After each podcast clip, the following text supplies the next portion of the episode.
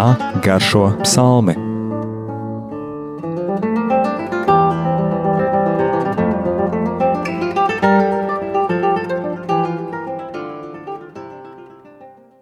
Kristus augšām cēlies. Patiesi augšām cēlies. Studijā Stela un Anģela. Kā šodien atkal esam divatā un pieskarsimies vēl kādām domām un atziņām par ļoti garo 119. psalmu, kas krievu tulkojumā ir 118. Kā jau iepriekšējos raidījumos atradām, tādi lieli 176 panti.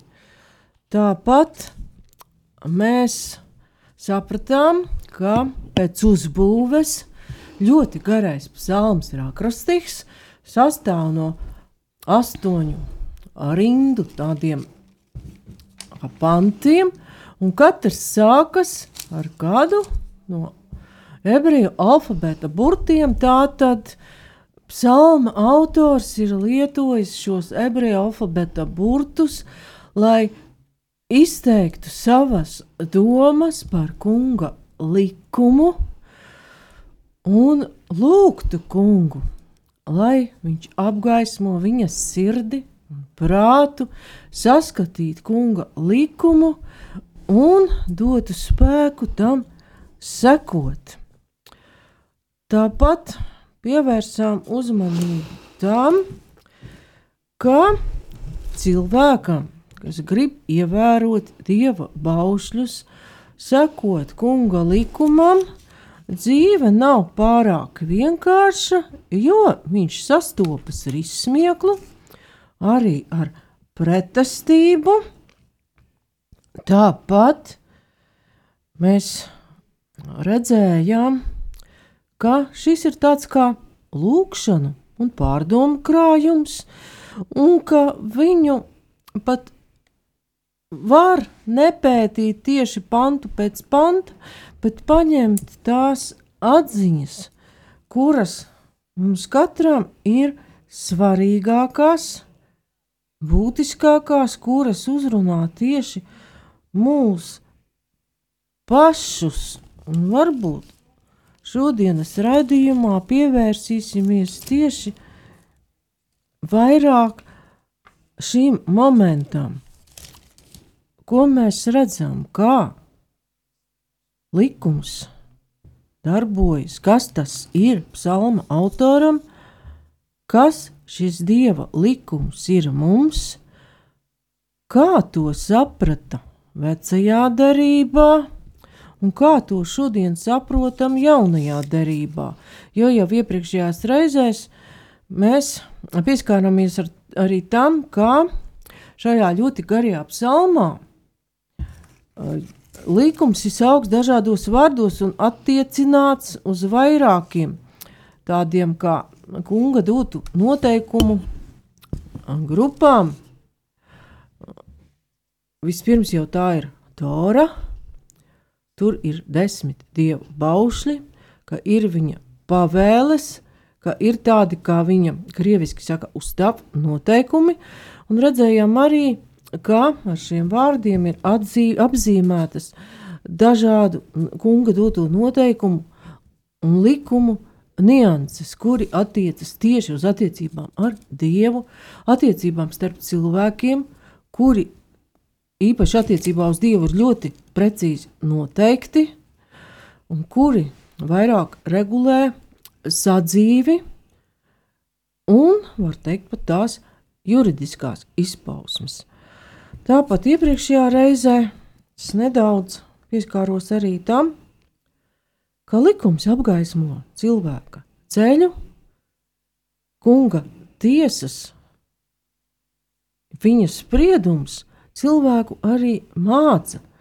Un pat ja šis spriedums cilvēkam liekas kādā brīdī kā netaisnīgs, grūts, nesaprotams, pēc kāda laika mēs atklājām, ka Dievs ir audzinājis un ar savu tiesu un likumu arī novērsis kādu lielu nelaimi. Bet šodien pievērsīsimies vairāk tieši, kas šis likums ir mums, kas tas bija vecajā derībā un kā mēs to redzam šodien, jaunajā derībā.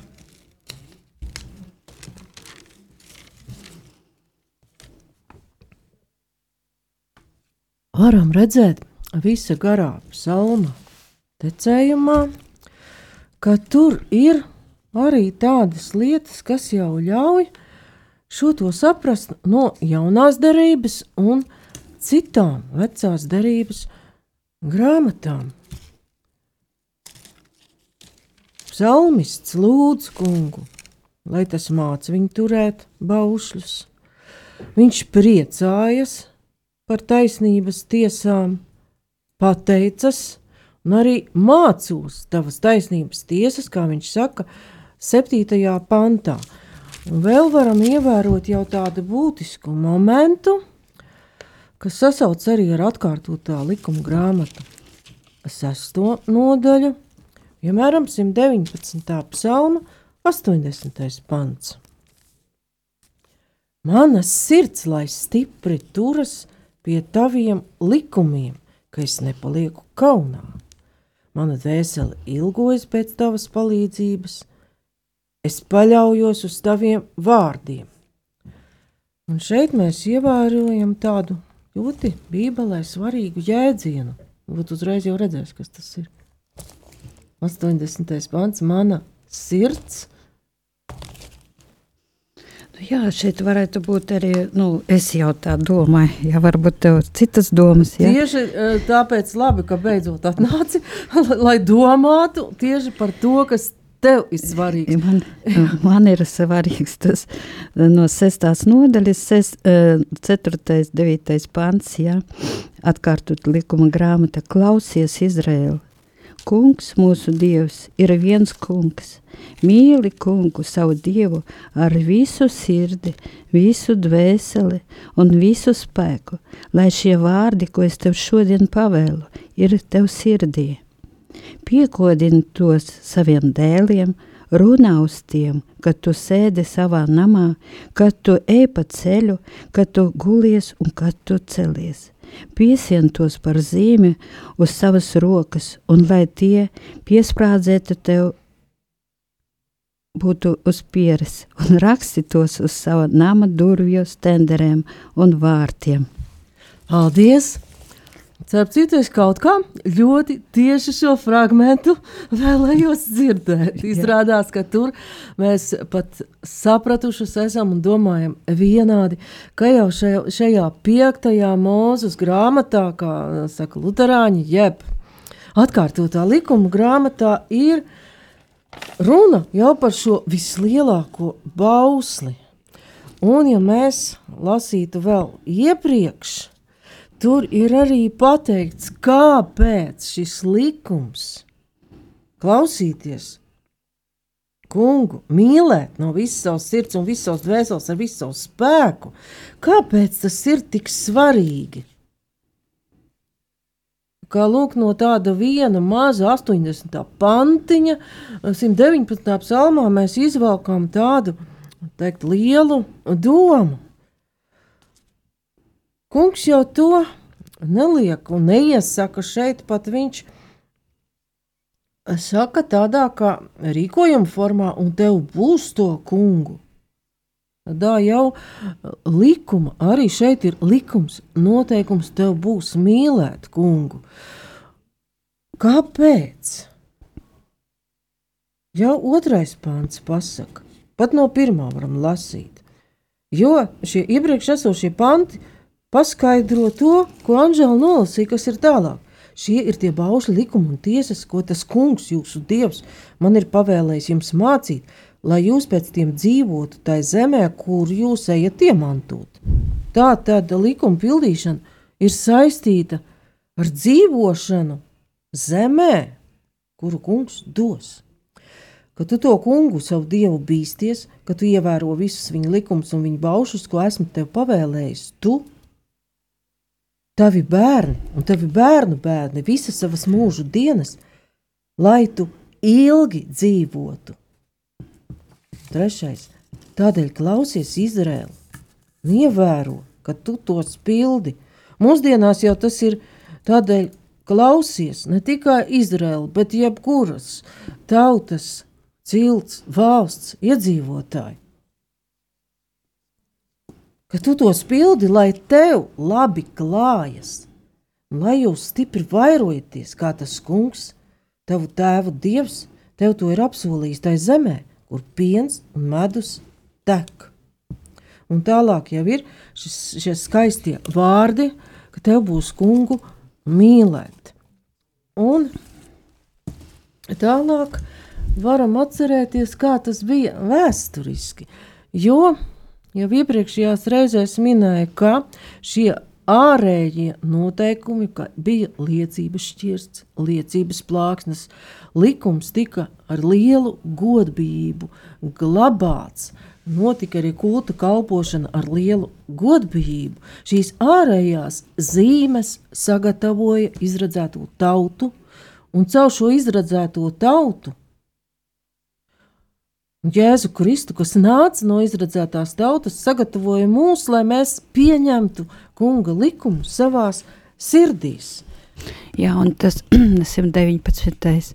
psalms, viņš vispār ir, mm, nu, nu manā skatījumā, pa Dievu vārdu, jā, un kā tik daudz pantu, un katrā pantā e, tiek atkārtots tas, ka katram cilvēkam, katram no mums ļoti svarīgs ir Dieva vārds.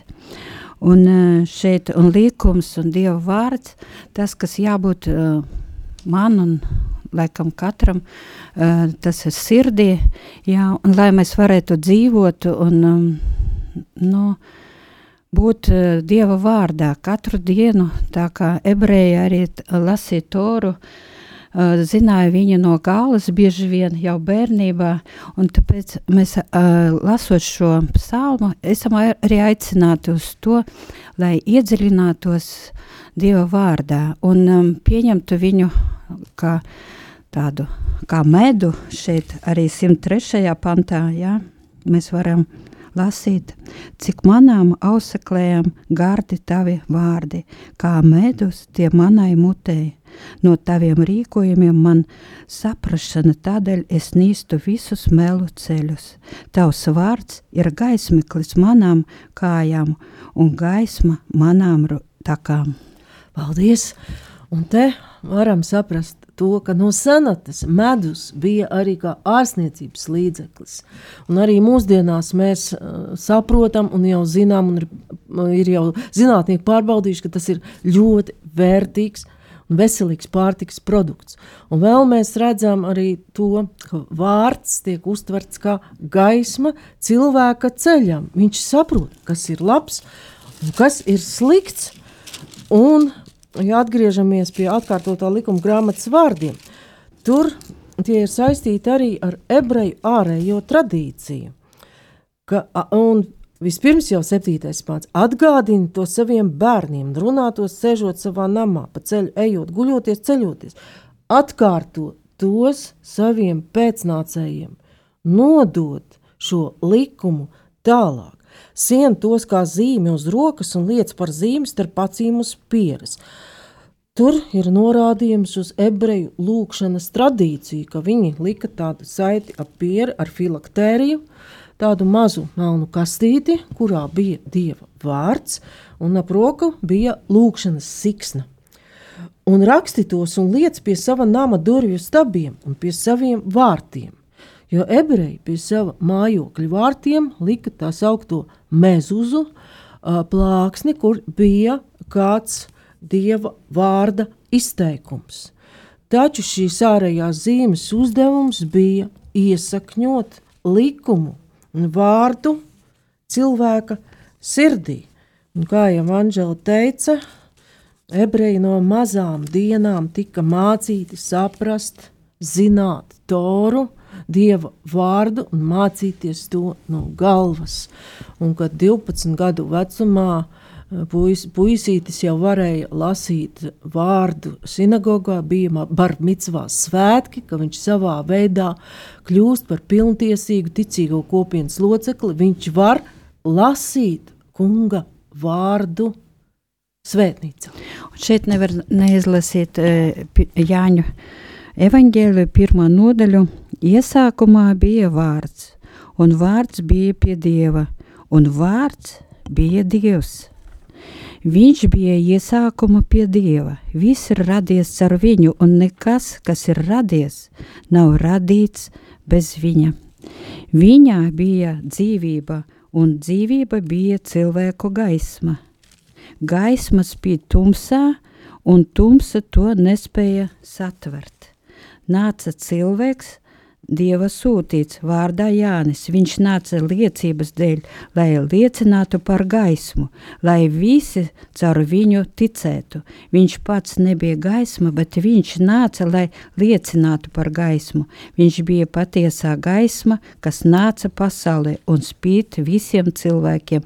Viņš gaisma bija pasaulē, un pasaule caur viņu radās, bet pasaule viņu nepazina. Viņš nāca pie savējiem, bet tie viņu neuzņēma. Tiem, kuri viņu uzņēma, kas ticēja viņa vārdā, viņš ļāva kļūt par dieva bērniem. Paldies! Tad šeit ir parādīta jau ar Jāņa evaņģēlīju šī likuma saikne tieši ar radīšanu, jo kungs ir tas, kas izsaka vārdu, un viss sāk rasties. Un nevar neizlasīt, un vārds tapa miesa, un mājoja mūsu vidū, un mēs skatījām viņa godību, tādu godību kā tēva vienpiedzimušajam dēlam, pilnu žēlastības un patiesības. Paldies! Tad mēs jau kā jaunās derības cilvēki saprotam, ka runa ir par vārda iemiesašanos un Jēzus Kristus nākšanu pasaulē, kurš pats Mateja evaņģēlijā saka – ka es neesmu nācis likumu atmest, bet likumu piepildīt. Un kungs zemes dzīves laikā arī dod visu lielo garo likumu kopsavilkumu, kas arī tiek dots Jāņa evaņģēlijā, ka visus daudzos un dažādos baušļus – viņš savelk vienā likumā. Man liekas, ir skaidrs jau par kuru likumu ir runa. Es mēģināšu arī to atrast, uz ko faktiski ved viss šis garais apraksts un atgādinājums par vārdu Jēzus Jāņa evaņģēlijā. 13. nodaļā.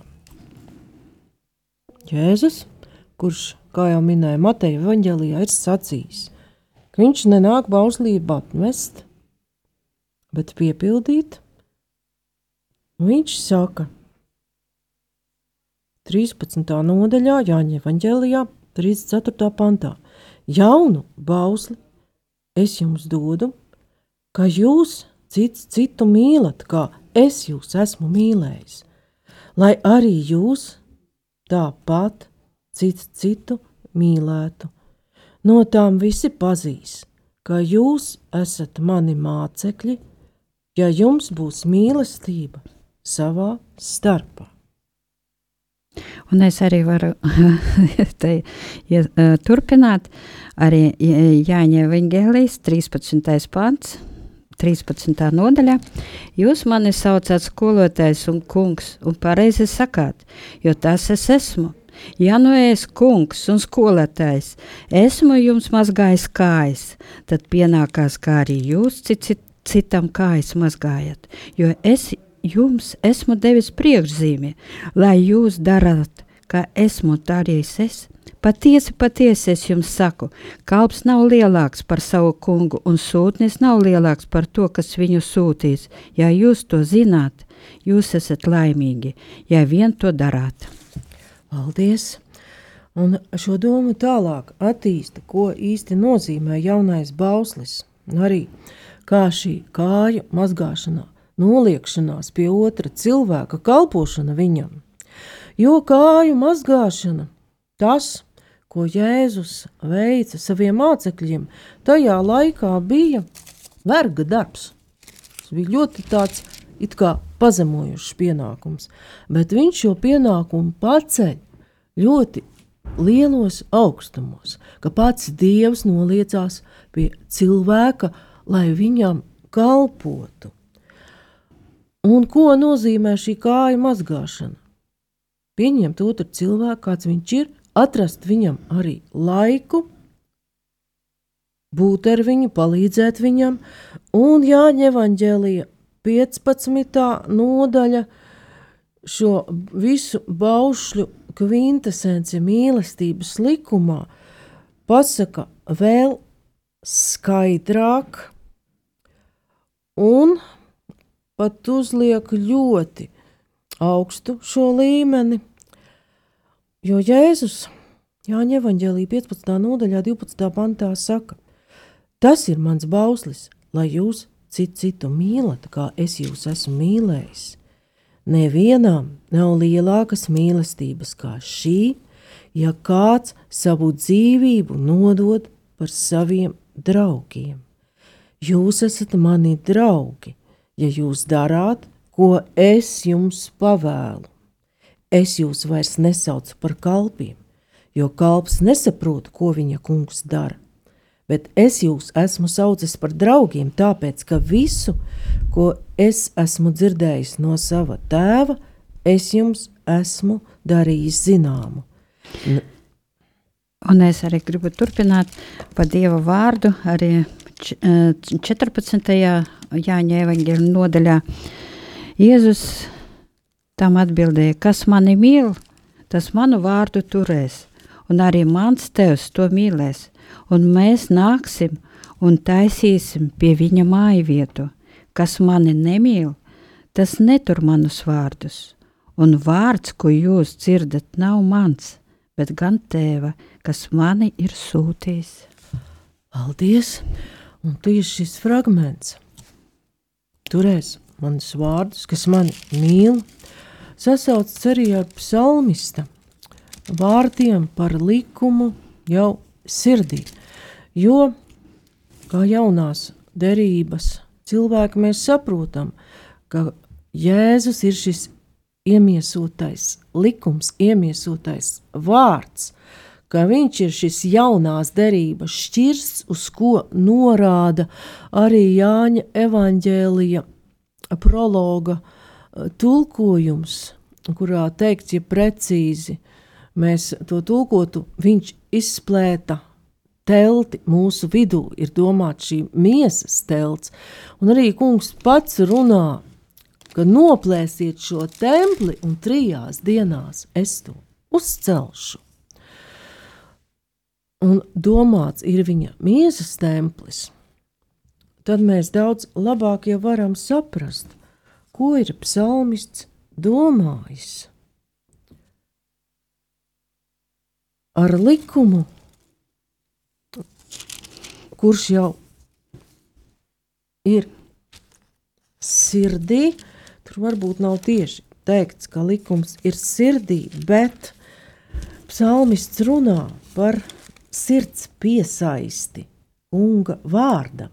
Mana sirds, 80. pāns garajā, skaistajā psalmā, mana sirds, lai stipri turas pie taviem likumiem, ka es nepalieku kaunā. Un par to, ka likums nebūs vairs ārēji rakstītu noteikumu kopums, kurš tiek ārēji godāts, Un var teikt, ka izradzētāji tautai šīs ārējās formas, kuras attīstījās ceļojot starp tūkstnesi, bija tāds kā bērnu dārza periods, kad viņi bija norobežoti no dažādām uh, citu tautu un pagāniskām ietekmēm. Viņi mācījās caur šo ārējo formu saprast iekšējo, bet pravietis Jeremijs jau 31. nodaļā, 31. pantā ir sacījis – kā bauslība likums tiks rakstīts cilvēkiem sirdī. Un mēs tagad jau ļoti labi saprotam, ka vispilnīgāk tas tiek ierakstīts cilvēku sirdī caur Jēzus Kristus nākšanu pasaulē, caur viņa dzīvi, kalpošanu, nāvi un augšām celšanos. Kad piepildās tas, par ko Jeremijs saka, redzināks dienas, saka tas kungs, kad es slēgšu jaunu derību ar Izraēlu namu un ar jūdas namu. Ne tādu darību, kā es citkārt slēdzu ar jūsu tēviem, kad es tos ņēmu pie rokas un izvedu no Eģiptes zemes, Šo derību tie ir pārkāpuši, kaut gan man bija noteikšana par tiem. Tā saka tas kungs. Nē, šāda būs derība, ko es slēgšu ar Izraēlu namu pēc šīm dienām, tā saka tas kungs. Es iedēstīšu savu bauslību viņos pašos, es to rakstīšu viņu sirdīs, un es būšu viņu dievs, un tie būs mana tauta. Tad nemācīs vairs draugs draugu un brālis brāli sacīdams atzīstiet to kungu. Jo visi mani pazīs, lielie un mazie, tā saka tas kungs, jo es piedošu viņa noziegumus un nepieminēšu vairs viņu grēku. Kā Jeremijs runā par šo laiku, ar kuru lasīja Anģela Jāņa evaņģēlijā, kad vārds top miers. Un arī mēs te varam izlasīt Pāvila vēstuli kolesiešiem trešo nodaļu. Ja nu jūs esat augšām celti līdz ar Kristu, tiecieties pēc tā, kas augšā, kur Kristus sēž pie Dieva labās rokas.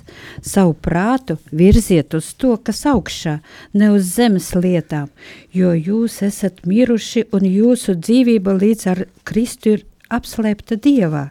Kad Kristus, jūsu dzīvība, parādīsies, arī jūs līdz ar viņu tiksiet atklāti godībā.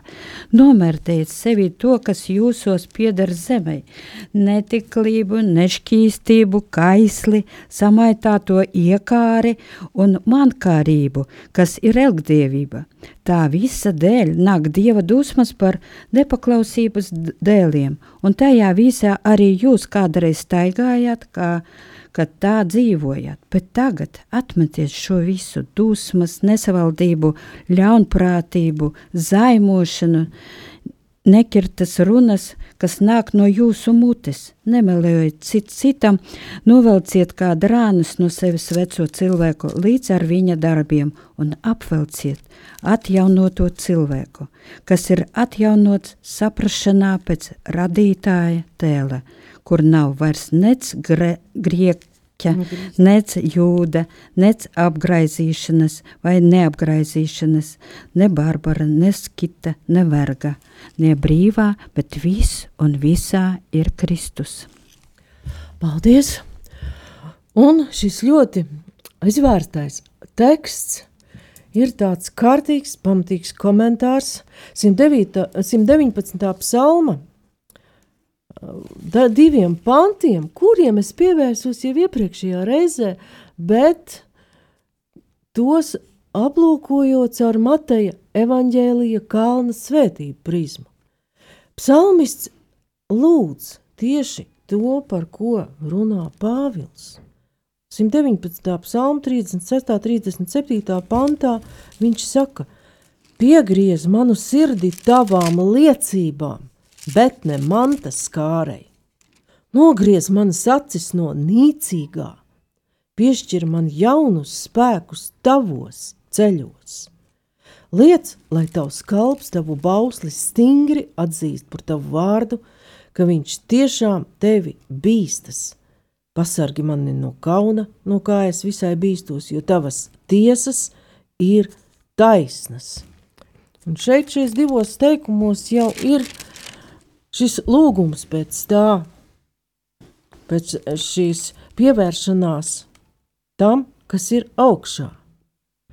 Kad, kad psalma autors, kas acīm redzot ir ķēniņš Dāvids, viņš lūdz, lai sirds tiktu pievērsta kunga vārdam, dievam, bet ne mantas kārai. Un lai viņš tiktu novērsts no nīcīgā, un ar nīcīgo mēs varam saprast jebko, ko cilvēks pats ir radījis, izdomājis, un kas viņu neved un nevērš pie tā, kas ir augšā. Mhm. Arī šeit mēs var, varētu izlasīt pirmo Jāņa vēstuli, piekto nodaļu. Ik viens, kas tic, ka Jēzus Kristus ir dzimis no Dieva, un ik viens, kas mīl Dievu, kas viņu ir dzemdinājis, mīl arī to, kas ir no Dieva dzimis. Mēs zinām, ka mīlam Dieva bērnus, kad mīlam Dievu un pildam viņa baušļus, jo tā ir mīlestība uz Dievu, kā turam viņa baušļus, un viņa baušļi nav grūti. It viss, kas dzimis no Dieva, uzvar pasauli, un šī ir tā uzvara, kas uzvarējusi pasauli, mūsu ticība. Kas tad uzvar pasauli, ja ne tas, kas tic, ka Jēzus Kristus ir Dieva dēls? Paldies! Un šeit ir arī atbilde šajā nolasītajā fragmentā gan uz to atkārtotā likuma grāmatas sestās nodaļas fragmentu, gan arī uz to jautājumu, kas ļoti bieži pamostas nevienam vien un ne reizi vien. Ko nozīmē mīlēt Dievu?